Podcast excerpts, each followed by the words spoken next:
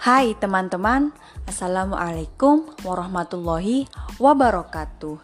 Jumpa lagi dengan kami Kelompok 99 KKN DR UIN Sunan Ampel Surabaya. Ngomong-ngomong, gimana nih kabarnya teman-teman? Semoga teman-temanku dalam keadaan baik-baik saja Ya, meskipun di tengah pandemi COVID-19, kita harus tetap menjaga pola hidup yang sehat. Dan jangan lupa untuk tetap patuhi protokol kesehatan. Karena COVID-19 ini sangat cepat sekali penyebarannya. Dengan harapan semoga pandemi ini segera berakhir dan supaya kita bisa beraktivitas kembali dengan normal. Pada kesempatan kali ini, kita akan sedikit membahas fenomena sosial yang terjadi di lingkungan masyarakat selama pandemi COVID-19. Memang, pandemi ini membuat beberapa keresahan bagi masyarakat di seluruh belahan dunia. Tidak terkecuali di Indonesia. Keresahan tersebut menyebabkan berbagai dampak negatif bagi masyarakat sekitar, mulai dari segi sosial, ekonomi, pendidikan, kesehatan, dan lain sebagainya. Untuk itu, pola pikir dan sikap masyarakat perlu diubah dengan memberikan edukasi tentang pandemi COVID-19. Seperti beberapa waktu yang lalu, kita menemukan sebuah pemberitaan yang berisi tentang curhatan seorang tenaga medis COVID-19 yang mendapatkan diskriminasi dari masyarakat di tempat tinggalnya. Wah, sangat memprihatinkan sekali ya keadaan seperti ini. Ternyata fenomena ini dialami oleh rekan Rif Aldi yang merupakan salah satu satu tenaga medis di Rumah Sakit Umum Pusat. Beliau ini merupakan perantauan dari Kota Padang ke Kota Jakarta Selatan. Beliau tinggal di Jakarta Selatan bersama kakaknya. Akan tetapi, di lingkungan tempat tinggalnya, beliau mendapatkan diskriminasi dari tetangganya karena beliau dianggap sebagai pembawa virus corona. Berita ini dilansir dari tribunmataram.com pada hari Rabu tanggal 1 April 2020. Akibat perlakuan diskriminasi dari tetangga, sampai-sampai nih teman-teman, rekan Rif Aldi ini tidak pulang ke rumah loh selama tiga minggu. Ya, memang sih sangat disayangkan sekali perlakuan dari tetangganya tersebut karena tenaga medis sendiri di rumah sakit sebagai perawat pasien COVID-19 agar cepat sembuh. Yang seharusnya masyarakat memberikan support kepada tenaga medis, bukan malah menjudge tenaga medis sebagai pembawa virus corona. Selain itu, rekan Rif Aldi juga dijauhi oleh teman-temannya loh Ya, mungkin karena profesi Rif Aldi sebagai uh, tenaga medis di rumah sakit yang berkontak langsung dengan pasien COVID-19. Padahal sebelum adanya COVID-19 ini, rekan Rif Aldi bisa nongkrong bersama teman-temannya. Akan tetapi setelah pandemi COVID-19 ini, rekan Rif Aldi dijauhi oleh teman-temannya yang tidak seprofesi dengannya.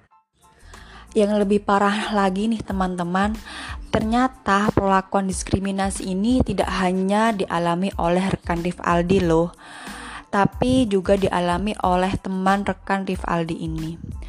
Teman rekan Rif Aldi ini tidak mendapatkan perpanjangan kos dari pemilik kos itu sendiri dengan alasan kos yang biasanya ditempati oleh teman rekan Rif Aldi ini akan digunakan untuk rumah anak pemilik kos tersebut.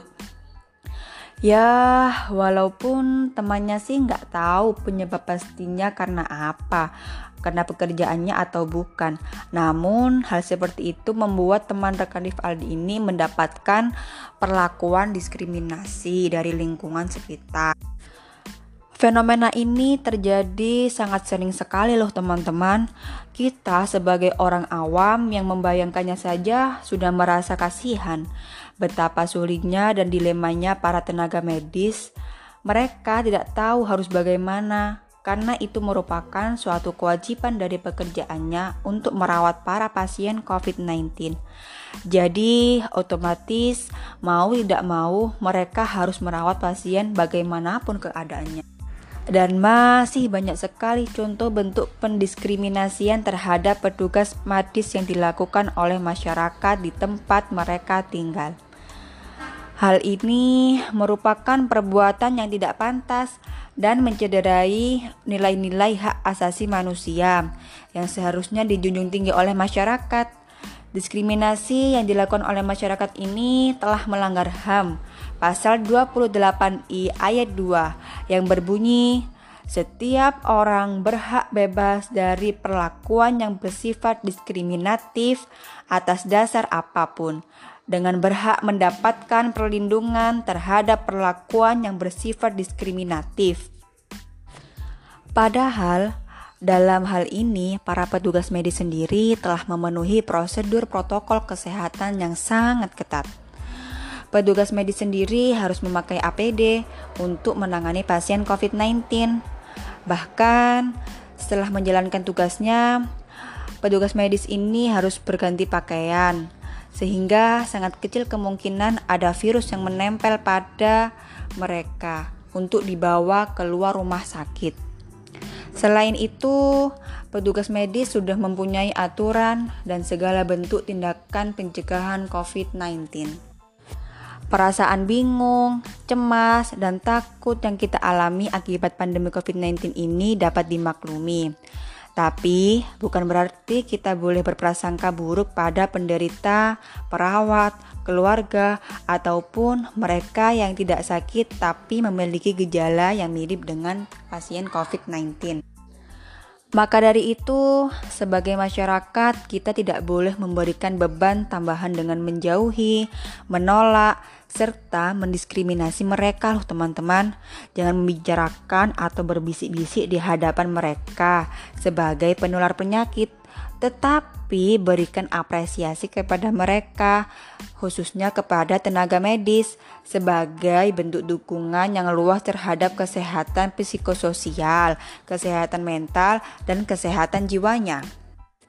Nah, kira-kira upaya apa saja sih yang harus kita lakukan untuk mencegah adanya diskriminasi atau stigma negatif di tengah masyarakat Hmm, di sini kami akan memberitahu beberapa upaya yang pertama yaitu menyampaikan pesan-pesan kesehatan melalui berbagai media, baik media online maupun media offline. Yang kedua, memperbanyak pengetahuan tentang fakta COVID-19 dan bagilah informasi tersebut kepada masyarakat sekitar untuk mengurangi kecemasan dan ketakutan. Yang ketiga, membantu masyarakat untuk menghindari berita hoaks dan informasi yang salah. Yang keempat, membantu warga agar tahu apa yang harus dilakukan jika mengalami gejala COVID-19. Yang kelima, menyadarkan masyarakat untuk mengetahui bagaimana perjuangan para tenaga medis dalam menangani serta merawat pasien COVID-19 yang penuh resiko.